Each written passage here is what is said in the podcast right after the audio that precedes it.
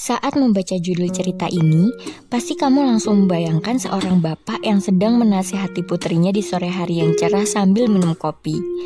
Atau terbayang di benakmu seorang anak yang sedang mendengarkan nasihat ayahnya sambil mencuci gelas berampaskan kopi. Tapi sayangnya, tebakanmu tidak sepenuhnya benar. Oke, mari kita mulai cerita masa kecilku tentang apas kopi dan nasihat bapak. Aku tidak ingat di umur berapa kejadian ini terjadi, tapi ku ingat saat itu di malam hari aku sedang duduk termenung di rumah makan milik ibu. Lantas bapak memanggilku dari bilik dapur. Saat itu aku yang mengetahui kalau bapak sering menjahiliku lantas menatap bapak dengan tatapan curiga. Karena aku tak juga segera beranjak dari tempat duduk, bapak terus memanggilku dengan mengatakan, Kak, sini, bapak mau tunjukin sesuatu. Lalu aku menjawab tidak lebih seperti ini. Gak ah, nanti bapak mau jahilin aku kan? Tapi dengan segera bapak meyakinkan kalau bapak benar-benar tidak berniat ingin menjahiliku. Setelah itu, aku menghampiri bapak di dapur. Di sana, aku lihat gelas berampaskan kopi yang diwadahi nampan besar. Bapak menyuruhku untuk memperhatikan apa yang akan dilakukannya.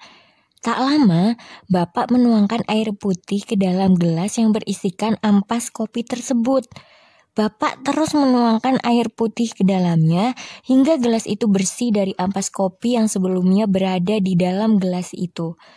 Aku terdiam, masih tak mengerti. Kemudian, Bapak mengambil satu gelas lagi yang juga berisikan ampas kopi. Namun kali ini, Bapak menutup leher gelas berampaskan kopi itu dengan menaruh sebuah piring di atasnya.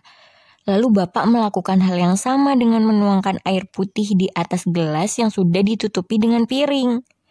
Tapi tunggu, lihatlah apa yang terjadi. Ya, tentu, sebanyak apa pun air yang dituangkan, tidak akan membersihkan gelas tersebut dari ampas kopi. Itu karena gelas tersebut tertutup oleh piring di atasnya, tidak seperti gelas pertama tadi.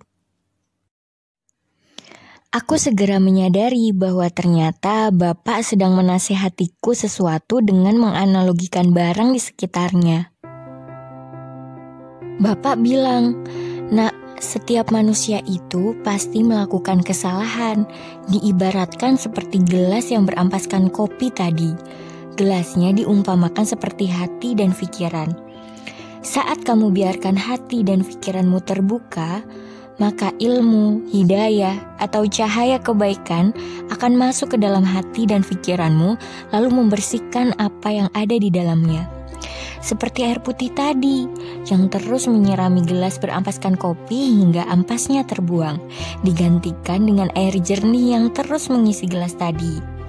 Namun sebaliknya, jika kamu takut untuk membuka hati dan pikiranmu, tidak mau membiarkannya terbuka, maka sebanyak apa pun cahaya yang mengilhami hati dan pikiranmu tidak akan membuat hatimu menjadi bersih, layaknya gelas berampaskan kopi yang tertutup dengan piring tadi.